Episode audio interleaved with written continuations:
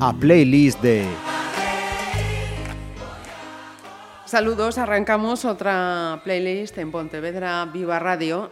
Y no sé casi si, si haberme arrepentido de no haber puesto el rec en esta otra entrevista que ya llevamos haciendo desde hace rato con nuestro invitado de, de esta semana, Miguel Vidal. Bienvenido. Hola, ¿qué tal, Marisa? ¿Cómo estás? Miguel, estábamos aquí hablando, debatiendo, eh, filosofando sobre los padres, la Sí, familia sí, sí. y esas cosas.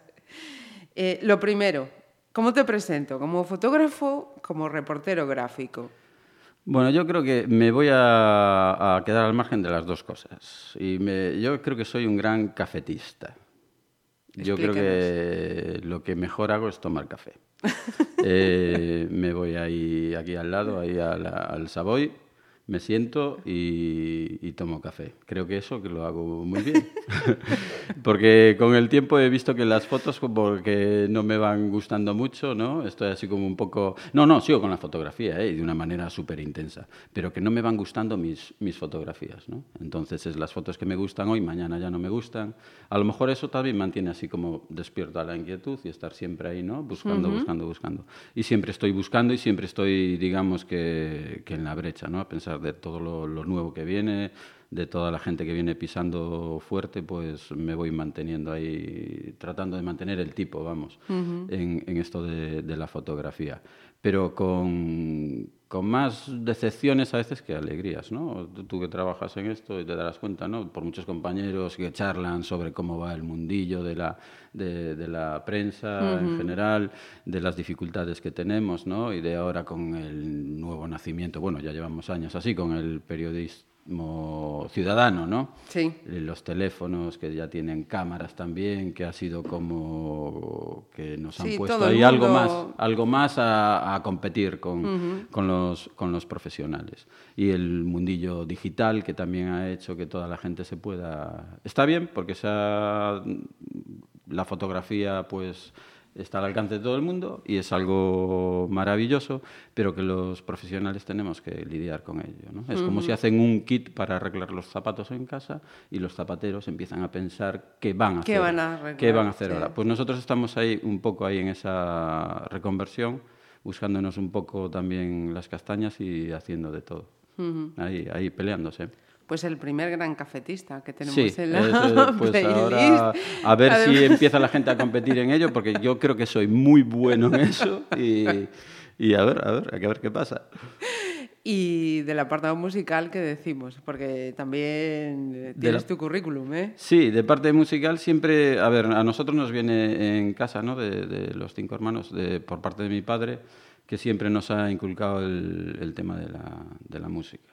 Siempre le ha gustado mucho, por ejemplo, la guitarra y siempre ha tratado que todos en casa aprendiésemos a tocar la guitarra. Yo tuve la suerte de que fui el primero, que mi padre lo intentó, y fui el primero también en fracasar.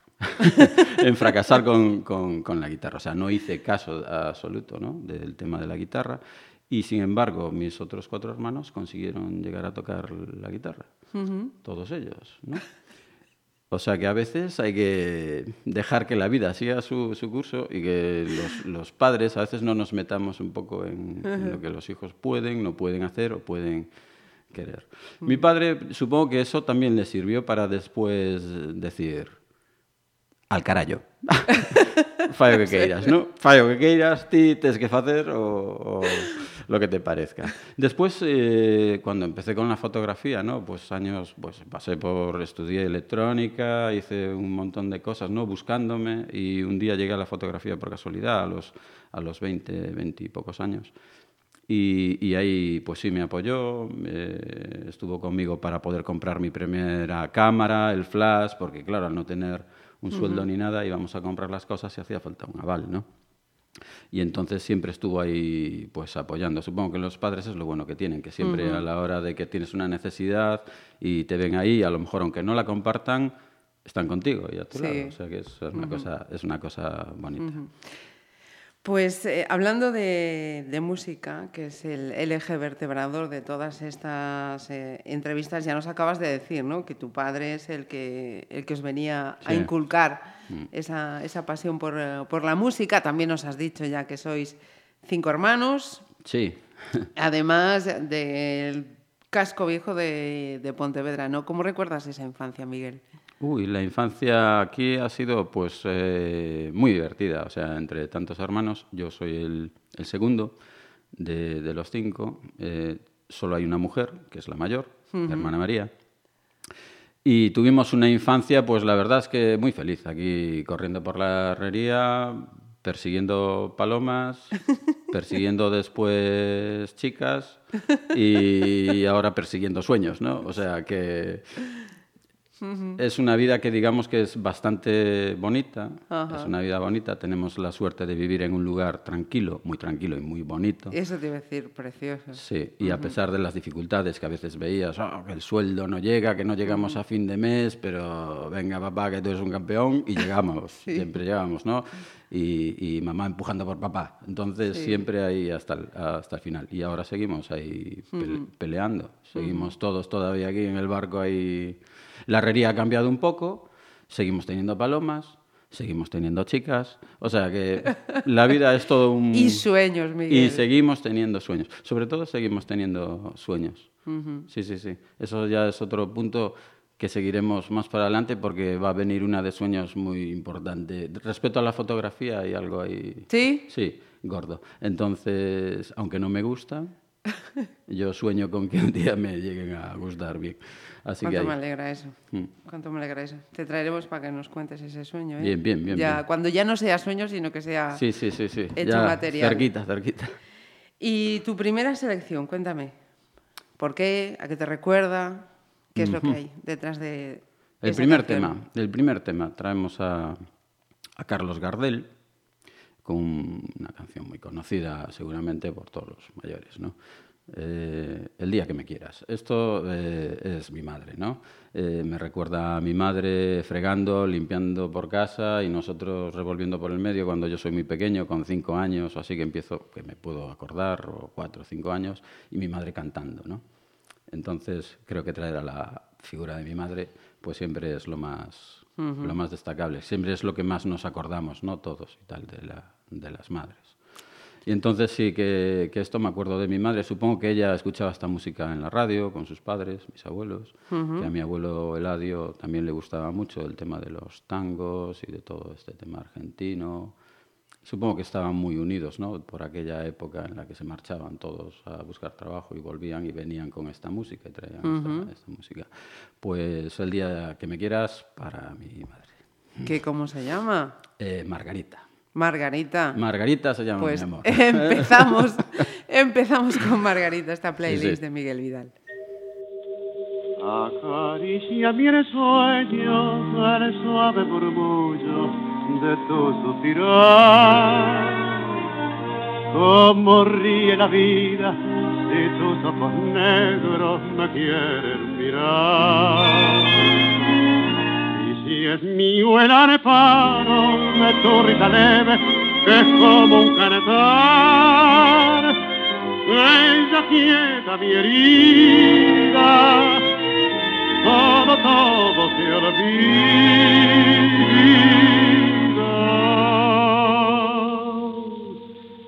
El día que me quiera, la rosa engalana se vestirá de fiesta con su mejor color.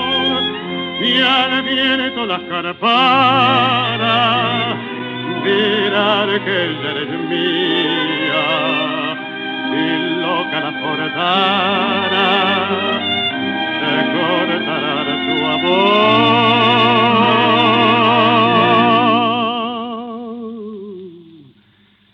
noche que me quiera desde el azul del cielo. Las estrellas celosas nos mirarán pasar y un rayo misterioso para nido en tu pelo, luciérnaga curiosa que verán cara de mi oh,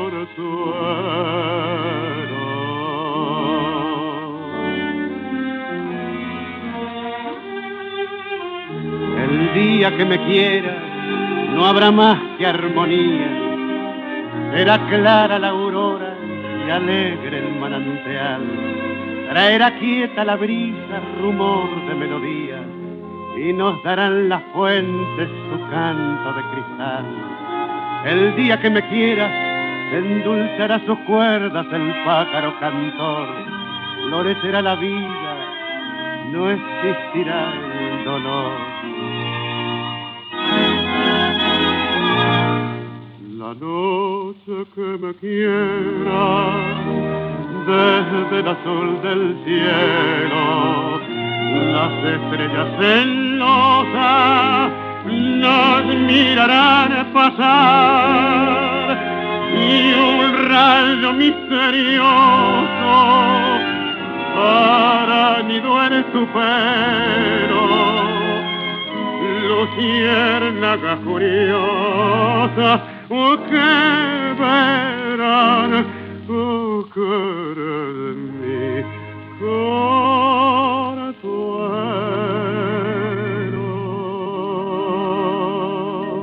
Pues eh, retomamos esta playlist después de escuchar este tema de Carlos eh, Gardel, Fíjate, Bueno, no, no sé es- cómo, cómo se escucha, ¿no? Porque con, con- es el vinilo, todos los rayazos, toda- pero creo que lo hace como más ahí romántico, más poético. El encanto que tiene el Sí. vinilo que ya no tenían los, eh, Sí. Que no tienen los, los CDs o los MP3 de ahora, ¿no? Eh, ese Miguel Vidal que jugaba con sus eh, cuatro hermanos en, en la herrería y nos avanzabas también al principio antes, estudió y luego dijo electrónica. Por cierto, ¿dónde, dónde estudiaste? ¿Los primeros estudios dónde fueron? Bueno, yo estudié en un colegio que era el Colegio Cervantes, aquí en Pontevedra. Aquí ahora no sé qué es lo que hay allí, una academia o algo, es en la Plaza de Méndez Núñez, donde tenemos allí la estatua de Valle Inclán, Sí. donde se hacían las tertulias de Valle Inclán, todos sus amigos allí, en aquel, en aquel sitio junto a ese magnolio tan bonito, ¿no? en, en el arco. Pues aquello era un, un colegio donde, donde allí estu- estudié yo también, ¿no? Donde tengo mu- muchos recuerdos, recuerdos muy, muy graciosos a veces. Una vez llegué al colegio y me acuerdo que había estado jugando en casa, el estuche lo vacié, lo llené de cuchillos, cucharas, tenedores, luego me olvidé y me fui con todo eso al, colegio, que por la mañana decía, porque me pesa tanto la mochila, ¿no? Y cuando la profesora, a ver, vamos a dibujar, y yo abrí el estuche y cayeron todos los cuchillos, tenedores, todo allí. Entonces sí, hay recuerdos que son como que no se van a agotar. Sí, sí. Cuando veo que hoy en día pasan cosas, ¿no? O a mi hijo pequeño que le pasan cosas, digo, buah, tú no eres Digno nada comparado conmigo. padre. Claro, no, no eres nada comparado. O sea, tú eres un superhéroe, pero yo llevaba cuchillos y tenedores al colegio. o sea que, sí, sí, Qué grande. mucha felicidad, mucha felicidad. Y después del colegio decías eso, te dio por la electrónica. Sí, bueno, la electrónica fue un poco por porque creo que en aquel momento había como una salida a todo esto, ¿no? Y yo era bastante manitas, eh, me gustaba desmontar aparatos, cosas por casa y tal, y mis padres debieron decir, bueno, pues a ver si por aquí. Y, y lo intenté, estuve un poco, pero como que a mitad de estudios empezaron a aparecer los semiconductores, los circuitos integrados, cambió todo, ¿no? Hasta corrientes que se pensaban que iban por un sitio, después empezaron a ir por otro. Fue como un poco desbarajuste, una desmotivación grande y, y creo que en ese momento pues empezó, empezó a meterse en mí el gusanillo de la fotografía, ¿no? Así de casualidad. eh, recuerdo que de aquella el, el novio que hoy es marido de mi hermana, se había comprado, sí, se había comprado una, una cámara, una cámara Zenit en rusa que venía con un objetivo de rosca, un 58 milímetros. Bueno, me acuerdo muy bien porque la tengo por casa aún. Y íbamos a Santiago o algún viaje en tren o no sé qué pasó y, y me dejó la cámara, vi por el objetivo y, y creo que me quedé ahí pensando. Yo no sé si se puede decir mierda por aquí, pero creo que dije... Las veces que haga falta. Dije, creo que, que- que que lo que me vino así a la cabeza fue mierda. Esto era lo mío. Esto es lo mío. El poder aislar las cosas, ¿no? Lo que quería, aquel pedacito por aquella ventana. Y, y recuerdo que yo estaba en aquel momento pues haciendo cosas con una empresa, instalando alarmas, ¿no? Y cosas de estas en, locales, sistemas de seguridad. Y fue como cosa de uno o dos días, eh, fui por allí y dije, mira, que, que dejo todo, que me voy a poner a hacer fotos. En casa también dije que empezaba a hacer fotos, bueno, la revolución, pero la fotografía es un hobby, ¿qué estás diciendo? Esto no es para ganarse la vida. Y bueno, y así empezó todo el cachondeo este de, Pues vamos a seguir hablando del todo el cachondeo este de la Sí. fotografía, pero vamos a hacer la parada con tu siguiente selección que va por el género grande, ¿no? Bueno, esto es. Esto ahora, si antes hablaba de, de mi madre, pues ahora llega mi padre, ¿no? Co- Con Enrico Caruso. Mi padre siempre le ha encantado todo, todo esto de los tenores, los barítonos. Y, y me, me viene su recuerdo cuando, estando en casa, él subía las escaleras aquí, los soportales de, de la herrería, ¿no? Y, y entraba cantando, ¿no? Canciones de Enrico Caruso y de todas estas cosas. Y, y mi madre desde arriba, Juan, sube callado. ¿qué tal?". un, un barullo de la leche. Y mi padre lo que le gustaba era la resonancia todas las escaleras, claro, para poder cantar. Y, y ahí lo subía él cantando este, este tema, uno de ellos, ¿no? Por ejemplo, la, la Donna Immobile, que creo que, que le va muy, muy Qué bueno. simpático, de la Donna Immobile, y mi madre desde arriba pidiéndole por favor que, Que se que viniese y que subiese para, para comer. Y yo salía a escucharlo, sonriendo, bajaba para decirle hola, qué tal, no sé qué, y siempre me acuerdo que era como muy divertido. Siempre. Incluso después, con el paso del tiempo, y creo que hoy en día, que ya no vivo allí, seguro que, que debe seguir subiendo muchas veces y, Y cantando. y haciendo sus pinitos con sus más de 80 años. ahí. Sí, señor. sí, sí. sí. Margarita y esta vez entonces Juan. Es Juan. sí, sí, sí. Vamos con ello. La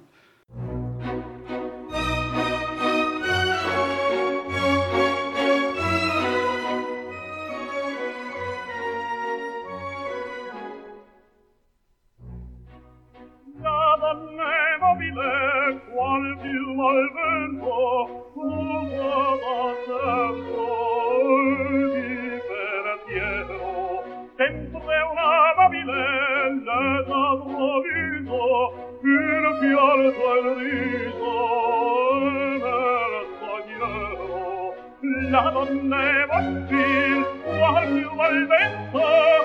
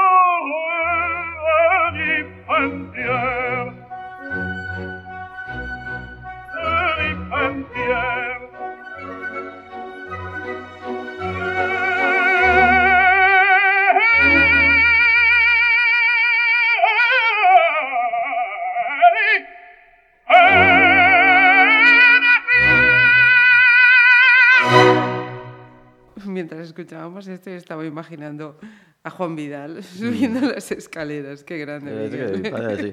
Y entonces, claro, "Ah, sube callado, ¿qué tal? Que no sé qué. Mira qué barullo haces, que llegas tarde y tal. Y mi padre a lo mejor que venía con dos chiquitas porque salía a trabajar, se iba a tomar dos ahí a la Navarra, por ahí donde fuese. Llegaba contento y venga.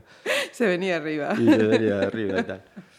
Sí, sí. Bueno, y en ese, en ese momento que decías, que me dedico a la fotografía, Ah. que esto de mm, hobby nada, que esto va a ser mi, mi profesión.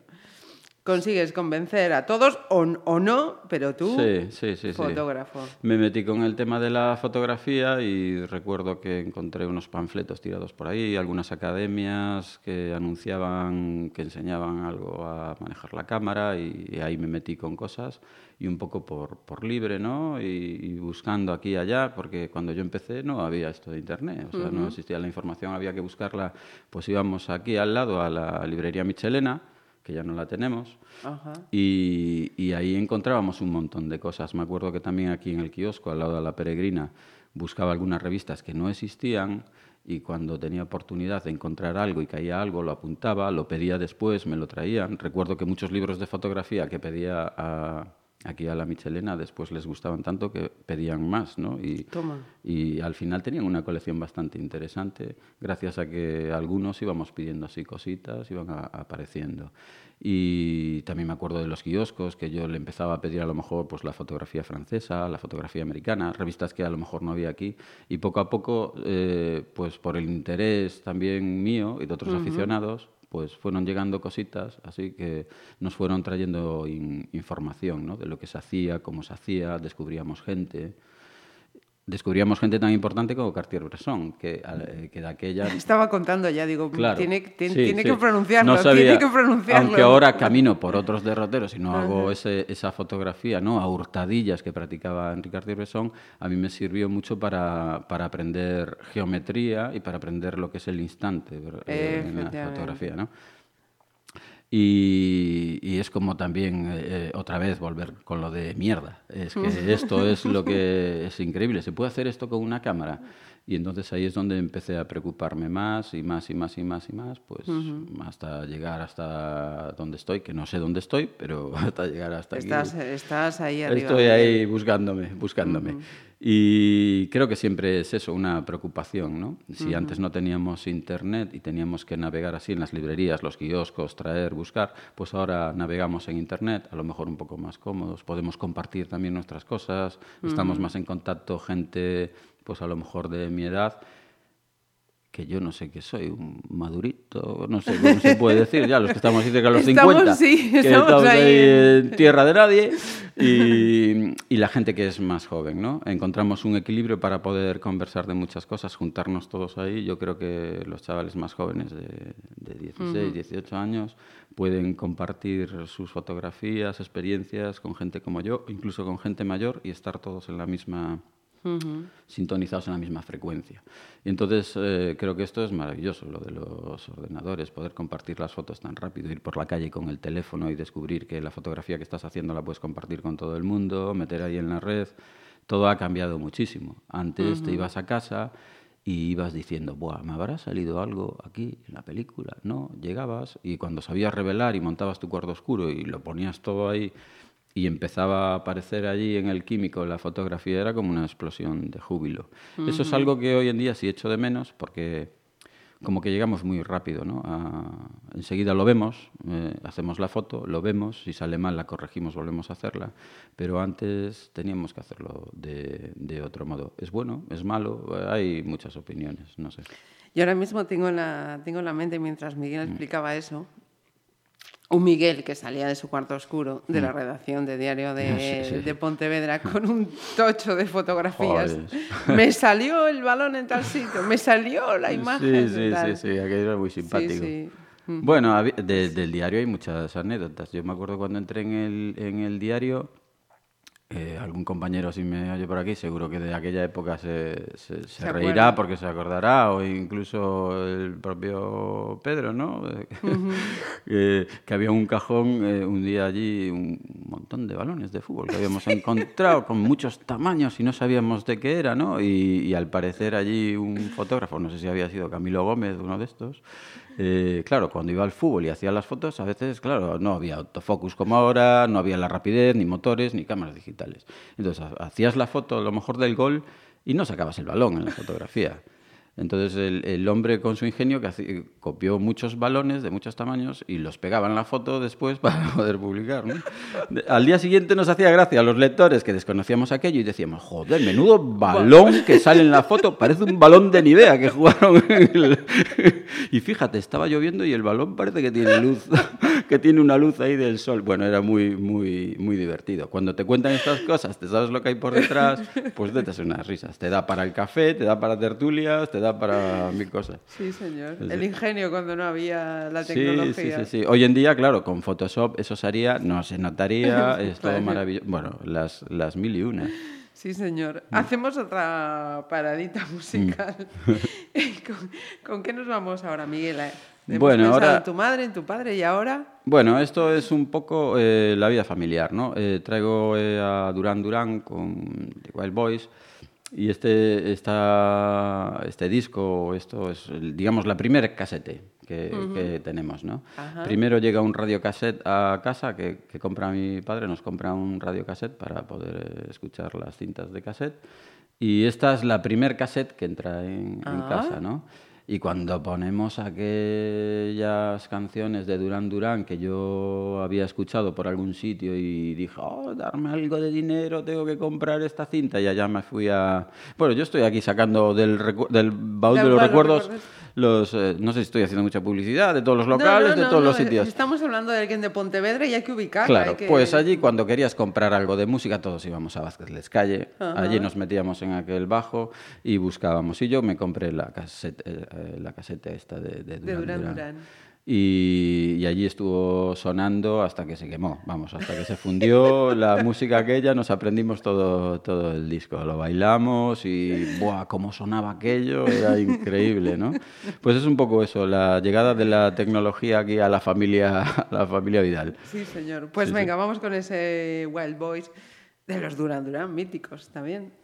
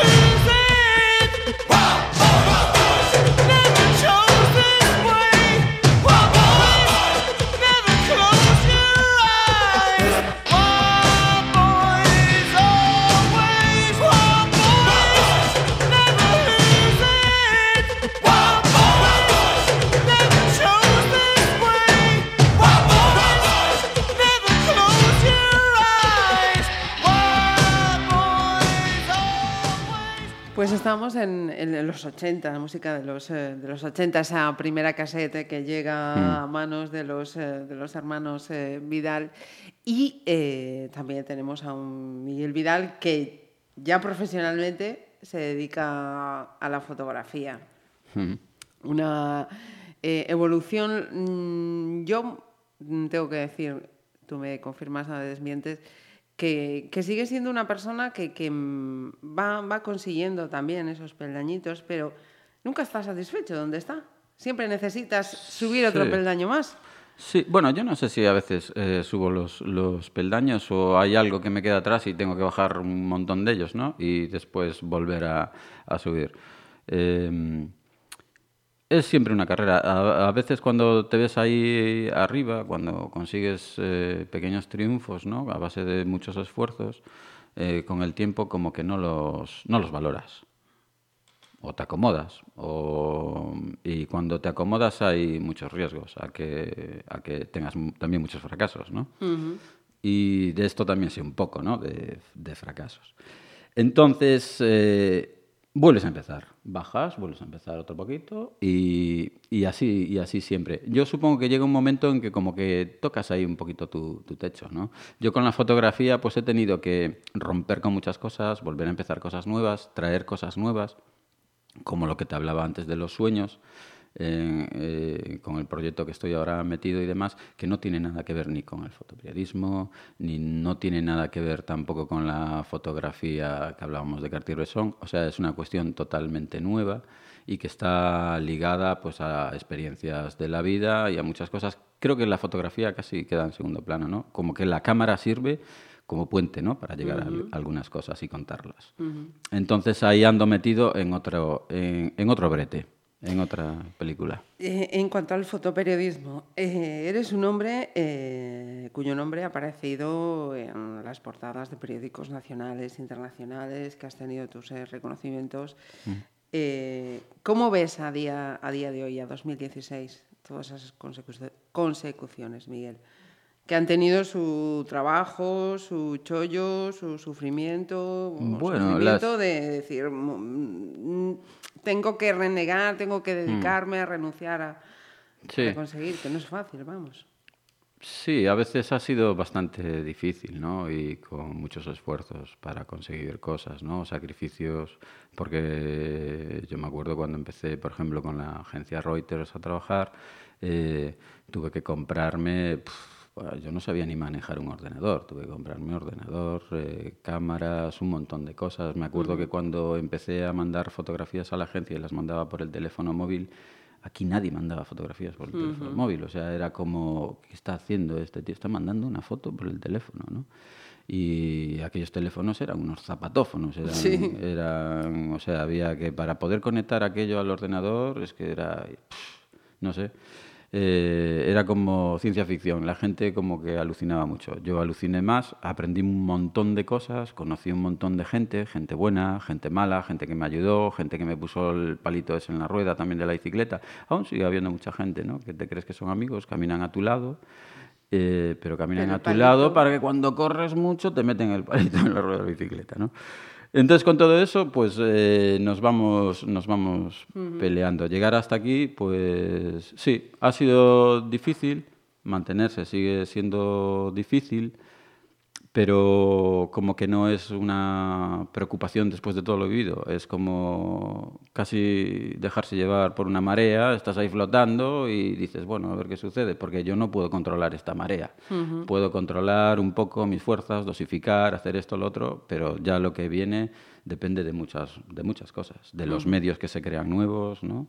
de, de- de todas las exigencias que van apareciendo dentro de este mundo en lo que es las, las comunicaciones y lo que es el periodismo. Después en el mundo del arte, que empecé también hace unos años, otra carrera, pues es la que me da también... Bueno, son, son dos dolores. Digamos que la fotografía del fotoperiodismo y todo esto, cuando la gente me pregunta, ¿qué es para ti la fotografía? Y yo eh, antes no sabía qué responder. Ahora cuando me dicen eso y me preguntan por, por la fotografía, y la fotografía así, de calle, y de, y de pues le digo que es, es dolor. Dolor sobre todo, dolor eh, de pies, Dolor de espalda, porque caminas mucho, cargas con un montón de cámaras, pues es dolor.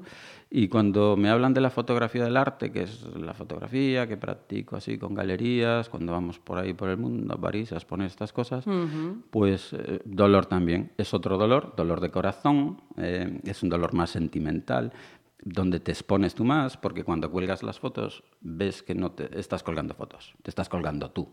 Entonces toda la gente puede tirar sus dardos, sus cosas y estás ahí expuesto. Expuesto. Sí, es otra cosa. ¿Y la música? ¿Qué es la música? Sobre todo la música tradicional, creo que llega el Sí. momento de hablar de Gandaina, por ejemplo, ¿no? Sí, bueno, esto es una parte también muy importante, ¿no? Lo de la música tradicional. Yo la música tradicional le, le debo la, la incorporación a esto a un, compañero que conocí en, haciendo electrónica. Eh, que también es conocido, eh, gaiteiro, que es Álvaro Novegil, que fue el, el que me metió un poco en todo esto, ¿no? Eh, se habían quedado sin tamborilero en su formación de gaitas y, y él era mi amigo, encontró a alguien capaz y me metió el gusanillo en esto. Me metió el gusanillo, yo sin saber muy bien de qué iba la cosa, pero como tenía buen ritmo y siempre tuve bastante buen swing, pues me metió en esta cuestión y empecé a tocar ahí en un cuarteto de gaitas que fue Aires de Pontevedra. Aires de Pontevedra, que hicimos nuestra historia, hicimos muchas cosas, llegamos a grabar, eh, bueno, eh, sus componentes, tal como él, que venía de Los Alegres y de gente también conocida, pues eh, nos movimos, viajamos, eh, hicimos muchas fiestas. eh, yo creo que, que la- el, el folclore está muy bien que todo el mundo pasase por ahí, porque no deja de enseñarte lo que es la cultura de tu país, de tu pueblo. Es eso, folclore, ¿no? Cultura de un, de un pueblo. Y, y la persona que no se conoce o que no conoce sus raíces, pues digamos que no sabe bien dónde, ¿De dónde dónde, viene? dónde se encuentra. Entonces yo sí que lo recomiendo siempre, ¿no? A todo el mundo. Ah, eh, prueba con, con el folclore, eh, prueba a bailar una muñeira, prueba a tocar la pandereta, prueba a, a, a vivir ahí un poco, ¿no? A conocer lo que te enseñan los mayores. Gracias a esto, pues después fundamos eh, Gandaina, hicimos un, un grupo que, que viajamos, viajamos por muchos lugares, ¿no? De, de la geografía en España y también fuera, y por Europa. Eh, y eso yo creo que, que nos, nos fortalece, nos une. El folclore es una cosa muy bonita, no tiene nada que ver a lo mejor con todo esto que hablamos de la fotografía, ¿no? Eh, pero que sí me ha servido para, para aprender muchas cosas en equipo, a jugar en, en equipo, cuando bailas, cuando subes a un escenario, cuando tocas con más gente. Y la fotografía es algo como más individual, es algo que se juega solo, ¿no? Y esto, jugar en equipo. Entonces es una cosa que se lo recomiendo a todos los papás, que metan a los niños a bailar, que cuando llega el Día de la Muñeira, por ejemplo, veo que van cayendo, cayendo grupos, que cada vez hay menos, que falta interés por eso, ¿no? Y que los chavales están a lo mejor más conectados a los ordenadores, sus padres igual, jugando a consolas, haciendo cosas, y lo de bailar es súper chulo, porque si van a bailar es como una antesala que dicen de algo mejor, lo del baile, y, y conoces, ¿no? Conoces a tu pareja, conoces un montón de cosas. Todo el mundo a bailar. Todo el mundo a bailar. ¿Y con qué, por ejemplo, nos vas a hacer bailar? Bueno, esto es un poco en, en recuerdo a aquel, aquel grupo ¿no? que estaba de, de gaitas de, de Aires de Pontevedra, con, con Álvaro, con Pablo, con su padre y yo, que, que nos inspirábamos y tocábamos muchos, muchos temas de ellos, que son los morenos de lavadores, que es, eh, eran unos gaiteiros de, de Vigo, eh, muy conocidos, muy buenos en su tiempo y muy admirados hoy- incluso hoy, hoy en día, ¿no? Y traigo una muñeira, muñeira da, da Milladas, que es una muñeira que nosotros tocábamos, interpretábamos muchas veces cuando íbamos de, también de pasacalles, por ahí, y hacíamos nuestros recorridos, nuestras, nuestras tocatas.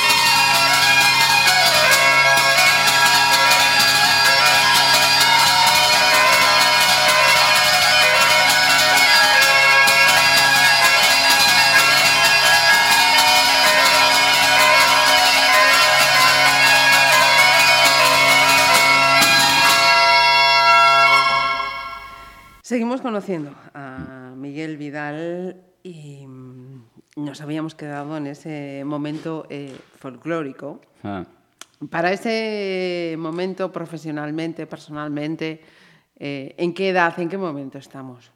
eh, hablamos de- del tema folclórico. Sí, sí. Bueno, el tema folclórico lle- llega bastante pronto porque estamos sobre los 18, 19, eh, ahora estoy en los 47, o sea que ahí me ocupo bastante tiempo. Digamos que después ya cuando uno no tiene la física que tiene que, que tener para poder seguir bailando y estas cosas, pues lo, lo abandoné un poco, ¿no? Lo cambié por otras cosas. La fotografía empezó a meterse un poco más de lleno también en mi vida, no me dejó mucho espacio y digamos que, que cedí ahí un poco el, el relevo. Pero a todo esto que sigue, vamos, mi hermana sigue ahí metida a saco con su marido, con Pichi, eh, siguen recuperando un montón de cultura y de cosas. Por, por ahí quería, Mm. quería preguntarte también, porque ya no solo eh, esa eh, exposición o difusión o crecimiento de, de Gandaina, pues que se os vea, sino también el- ese trabajo callado, ese trabajo que, que no se ve, Sí. que habéis estado eh, haciendo. De hecho, eh, hace unas semanas, si echáis un vistazo a los podcasts de la playlist de Pontevedra Viva, podréis escuchar uno que le dedicamos a Patricia Vilán, que es la compañera de Miguel. y, y yo le decía a Patricia que no- nos falta Gandaina. Sí. Y también tuvimos un momento Gandaina y lo hablábamos, ¿no? De ese trabajo que yo de aquella aprendí lo que era ir a recoger. Sí, sí, y, sí, sí. y ese trabajo que supone de recuperación Sí. de- de- del folclore, de, de la parte cultural de, de la cultura gallega. Sí, claro. A ver, es que digamos que el- lo que hacemos aquí en los urbanitas, en, la, en la ciudad, eh, es traer una representación de aquello que encontramos en las aldeas, ¿no? En donde está más arraigado, o donde todavía puede quedar algo, porque realmente aquí, en la ciudad, ya donde que no existe. No queda. Entonces es un poco un, un teatro, ¿no? Una pantomima, ¿no? Que lo, lo traes aquí, lo, lo muestras, muestras los trajes, eh, muestras todo, todo, las historias, las canciones, los bailes, todo lo que se va recogiendo los fines de semana, ¿no? Y que se hace con mucho esfuerzo. A lo largo de muchos años, eh, es decir, a qué punto vamos de Galicia, qué contacto tenemos, a quién conocemos a través de un señor que conocimos en la romería de San Benito, que nos contó que es, tiene a no sé quién, entonces haces como una pequeña investigación, te vas allí y te vas con tus cámaras de vídeo, te vas con tus cassettes o con lo que llevábamos antes, ¿no? Y grabábamos todo aquello. Después se estudiaba en casa, se miraba qué bailes se podían hacer con aquello que habíamos obtenido ahí y lo llevábamos a los festivales y al escenario a mostrar eso, ¿no? Para que siga permaneciendo vivo, para que siga ahí siempre. Si esto no se hace y si no hubiese tanta gente dedicada a todo esto, que es mucha, es mucha, pero que podría ser más, pues se perdería, ¿no? Terminaríamos bailando o degenerando en otra cosa. A lo mejor se bailaría la lambada o se bailaría otra cuestión. Vete a saber, vete a saber. Pues eh, seguimos con esta selección mm, que creo que mm, no tiene nada que ver en este caso con, Sí, con el no, folclore no, gallego. Aquí ya pasamos a otros descubrimientos, ¿no? A otra música que va llegando, que va llegando a mí también y que marca ahí un poco la juventud y momentos con los amigos que bueno, traigo a, a Mike Oldfield porque lo oí mucho tiempo, ¿no? Eh, ya hace mucho que no, no escucho, ¿no? Nada, nada de él, aunque sé que sigue creando o que sigue por ahí con sus porros y sus cosas y, viendo estrellas. Pero es una música que es importante en este tiempo y que lo ocupo mucho tiempo a escuchar. Llego a coleccionar todos sus discos, un montón de cosas.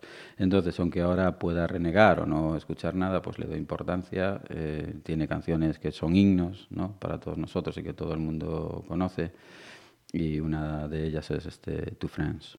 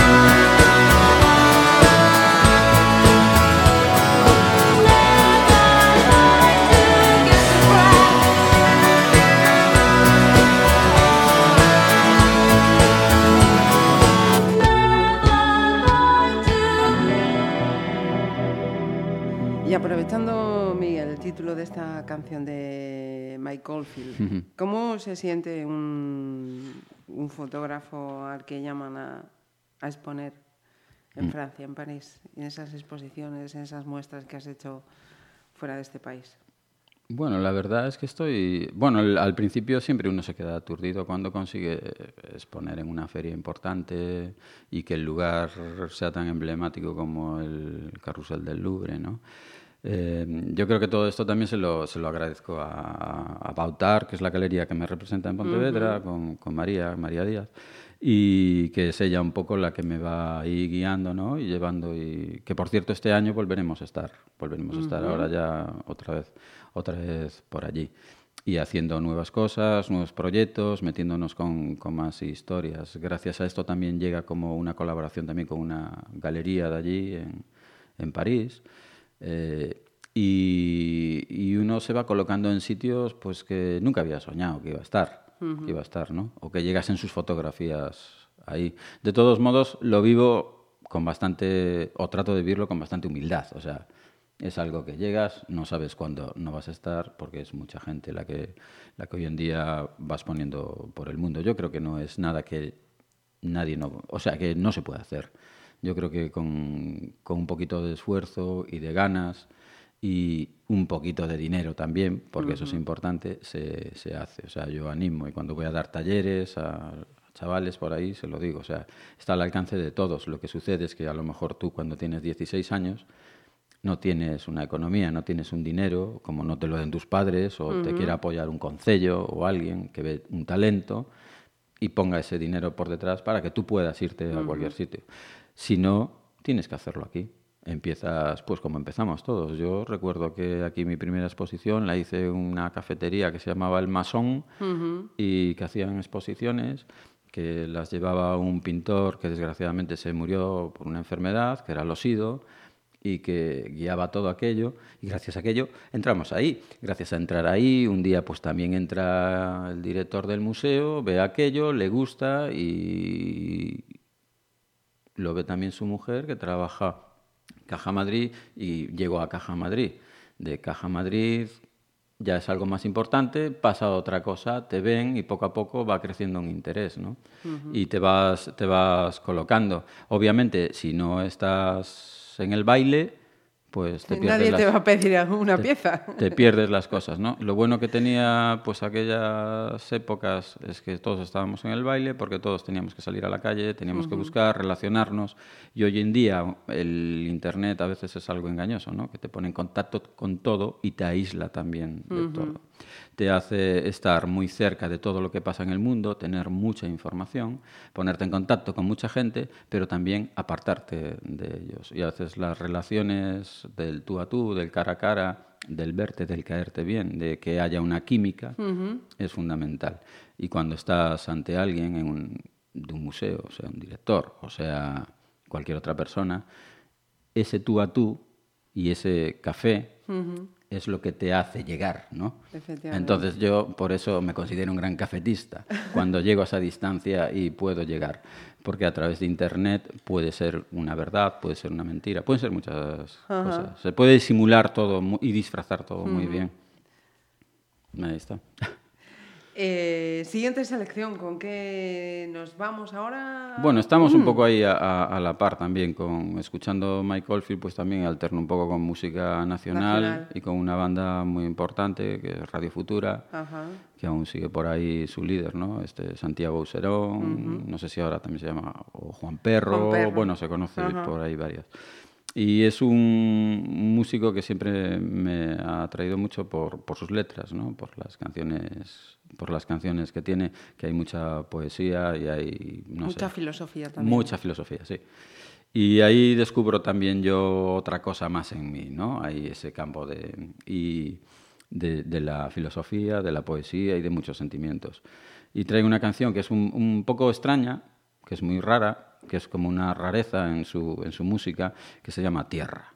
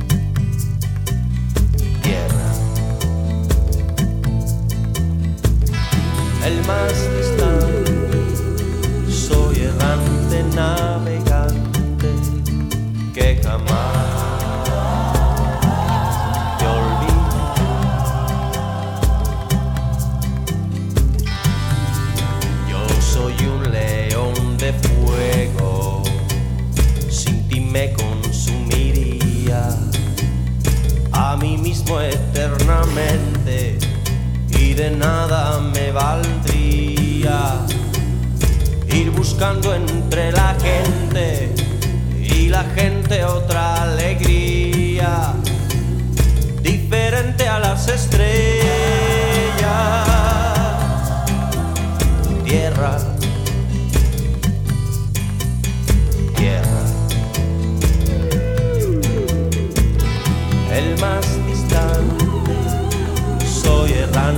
navegante que jamás olvida.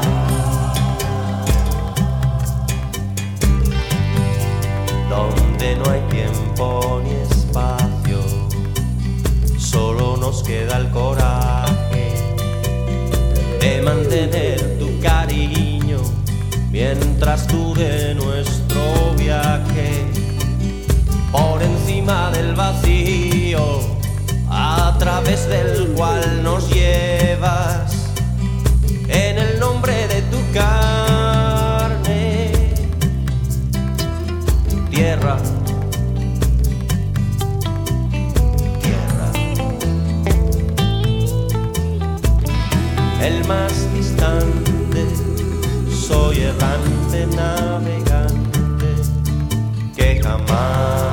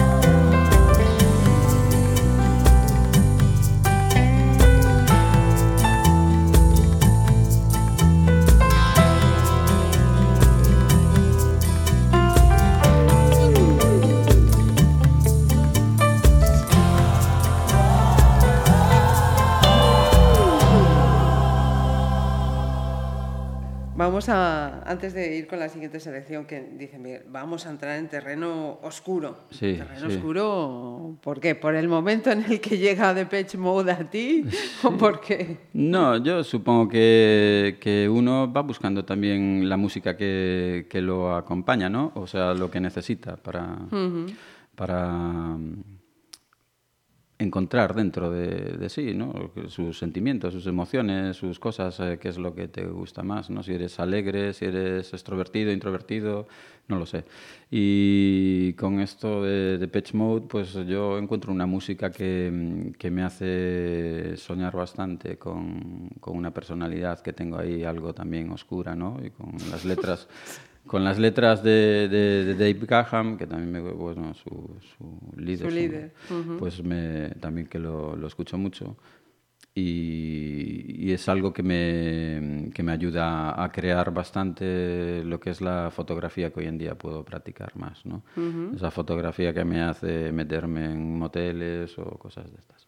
Eh, Sí, creo que es, es, es- es como un poco una banda sonora bastante importante, esta de pues casi todo lo que viene a partir de ahora, ¿no? Los cuatro, los cuatro O sea, que, que el momento de descubrir Depeche Mode no es de, de los 80, ¿te viene más tarde? No, o- sí, es más tarde, sí, es, es más tarde. Es música que encaja bien, pues eh, no lo sé, pues es como cuando estás trabajando en casa o algo, necesitas tener ahí esa Sí, banda, esa banda sonora, sonora, ¿no? sí. Y hay veces que dices, "Buah, ¿cómo voy a poner esta banda sonora ahora para ponerme a limpiar eh, los metales aquí? No, esto no me va. O yo qué sé, o si estás viviendo un momento dramático o algo que te ha pasado importante, no quieres escuchar a los payasos del circo, a lo mejor, ¿no? Quieres oír otra cosa. A lo mejor en una peli de Tarantino, pues sí, va, porque te queda ahí un contrapunto. Pero siempre buscas así un, un poquito de, de la música que pueda acompañar a las imágenes o la luz que lo está bañando todo, ¿no? Y entonces yo muchas veces con esta música pues encuentro esa penumbra, digamos, ese lado, sí, oscuro, que, que guía un poco la, la fotografía que ahora, que ahora hago.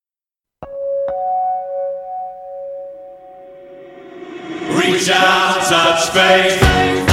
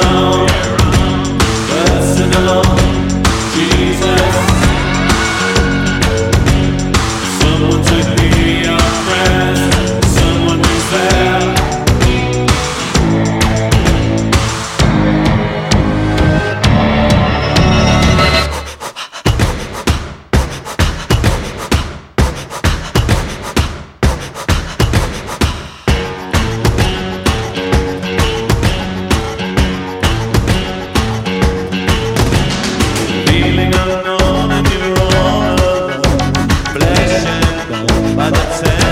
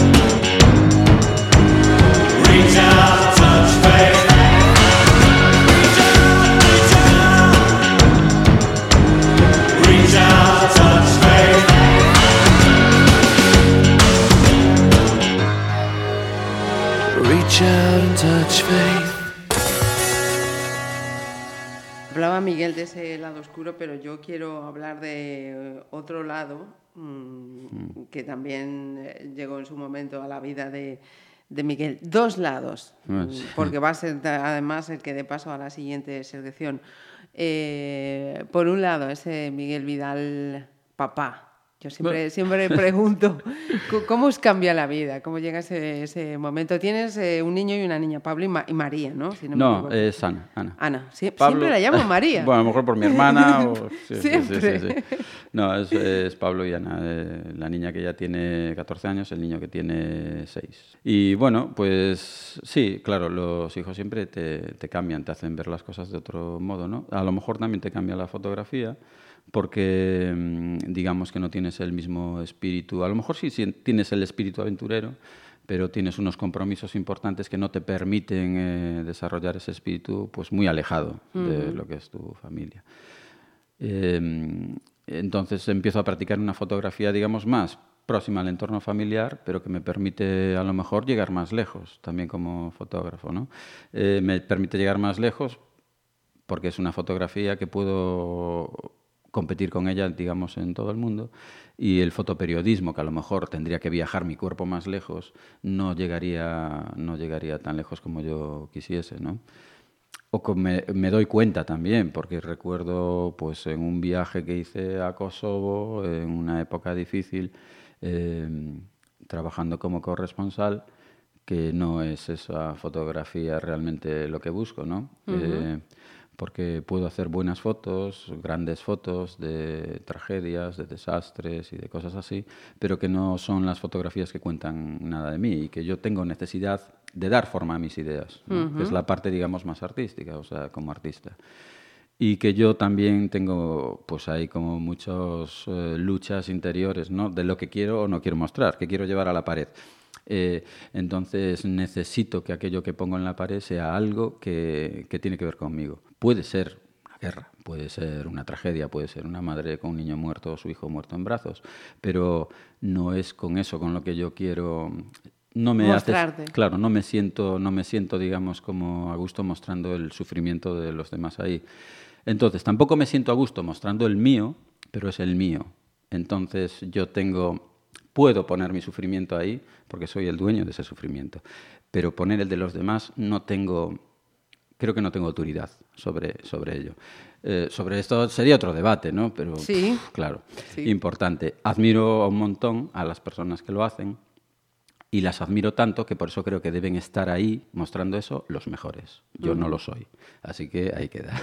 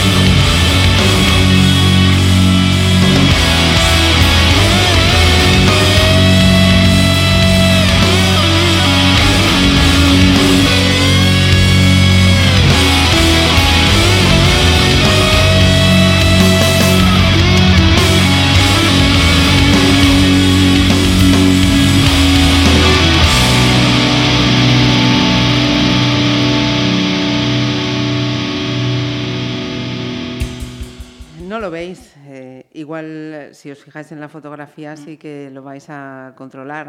Pero nos viene con una sudadera azul, ¿no?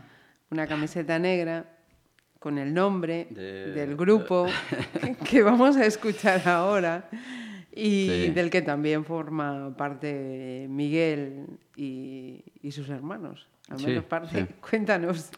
Bueno, John Under. John Under es una banda que está formada por mis dos hermanos, dos de ellos, dos hermanos pequeños, que es Jesús, que es el cantante, y, Pedro, que mm, a pesar de que es el, pequeño ¿no? de, de- de la casa y de la familia, también tiene un peso importante ¿no? a la hora de decidir muchas, muchas cosas.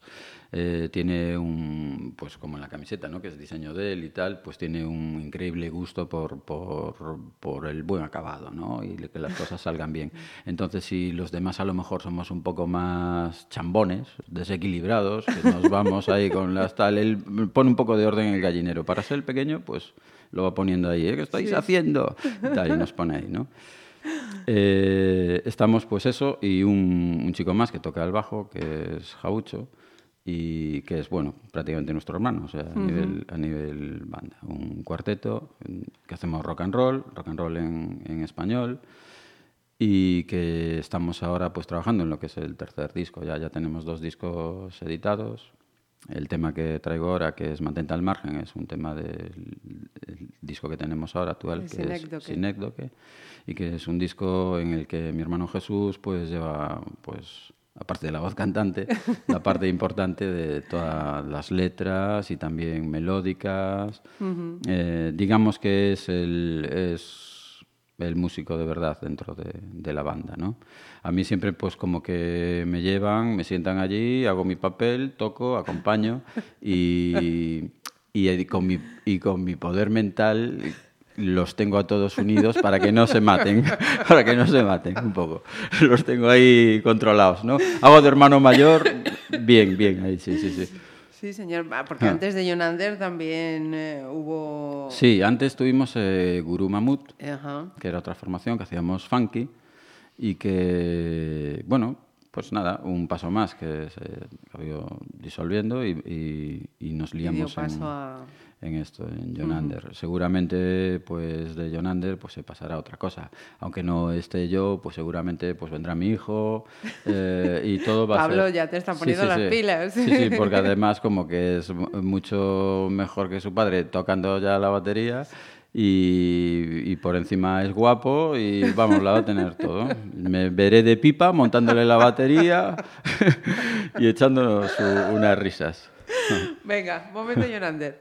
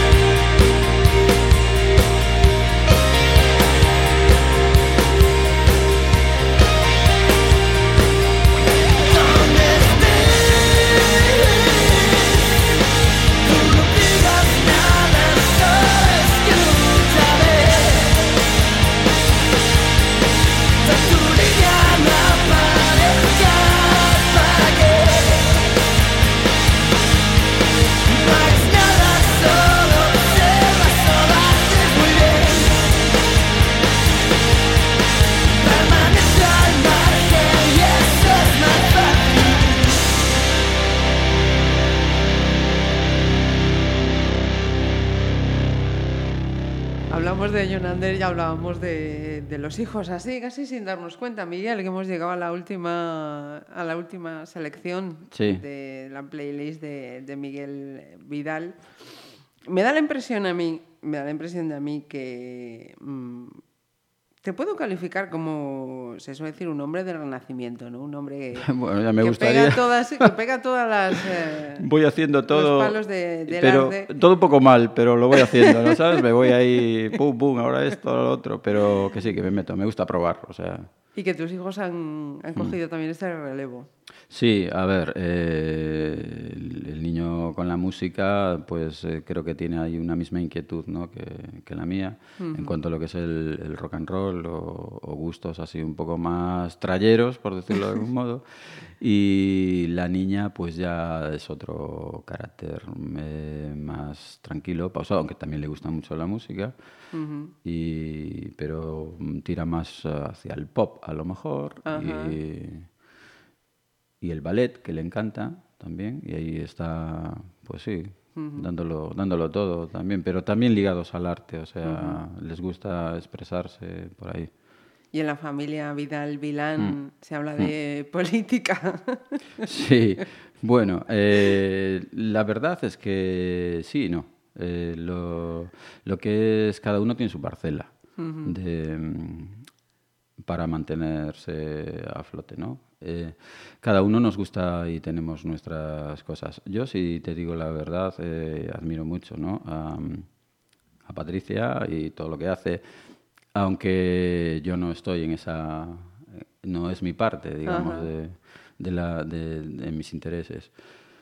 Me gusta el, el arte, me gusta expresarme, dar forma, creo que es, son dos cosas muy distintas, ¿no? Pero que cada uno tiene que encontrar su camino y su, y su sí, cosa. sí. Hay, que, hay que navegar en su, en su, en su, en su barco. Ajá. Aunque puedas estar ahí haciendo cosas juntos, pues Ajá. tener cada uno... Cada uno sus- Sí, el espacio es importante que cada uno sepa llevar el, el- el suyo. Es importante para la convivencia, sin duda. Mm. Y nos hablabas de esos sueños al principio. ¿Podemos ponerle una fecha o decir por dónde pueden ir? ¿O nos vamos a la última selección y nos dices, "Mm, ya hablaremos más adelante? No, sí, sí, ahora eh, pues supongo que cuando empiece pues el 2017 ahí ya estamos embarcados en otra, en otra cuestión fotográfica. Eh, empiezan proyectos nuevos ahora también, ¿no? Como es esta escuela de artes que se crea en. Pontevedra, a la que me han llamado un poco ahí para, para ver qué es lo que puedo enseñar, ¿no? A chavales o no tan chavales, eh, que es esta escuela de Bonobo, ¿no? que está ahí guiada por, por el amigo Maceira. Eh, es que un estáis proyecto... invitados de nuevo, ya sabes, dentro de Sí, nada sí. aquí. con Bueno, ellos. eso es, yo creo que son ellos, ¿eh? porque yo estoy un poco ahí, ¿no? Como que me han... Porque aquí, a ver, en esta ciudad nos conocemos todos, creo que, que todos estamos ahí siempre al final metidos en... Los que estamos haciendo cosas como que siempre acabamos en el mismo pastel, el- ahí metidos en el, en el meollo, ¿no? Y yo, pues como que siempre me dejo liar, siempre me dejo liar y más cuando es por buena gente, como en este caso. Así que yo también desde aquí también les deseo todo lo mejor que pueda salir ahí por el bien de ellos y el mío propio, ¿no sabes? A ver qué es lo que, lo que pasa con esto. Ujú. ¿Y tu última selección en esta playlist, Miguel? ¿Qué ha sido? Bueno, esto es un tema de Massive Attack, es su último trabajo.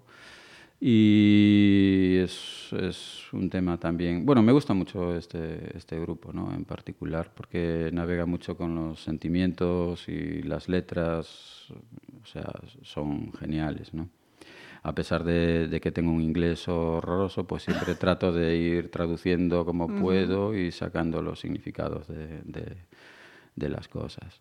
Entonces, este, este tema de spoils eh, es un tema fantástico, es algo que creo que lo he estado escuchando los últimos días, pues como en bucle, ¿no? Ahí se engancha un montón, sí, lo, lo recomiendo mucho. Pues mira, va a ser mi descubrimiento de esta Ah. playlist. Todo un placer haber eh, tenido esta entrevista con, como digo yo, un hombre del, del Renacimiento, un profesional y, y un buen amigo. Miguel, mucha Mm. suerte. Igualmente, muchas gracias, Marisa.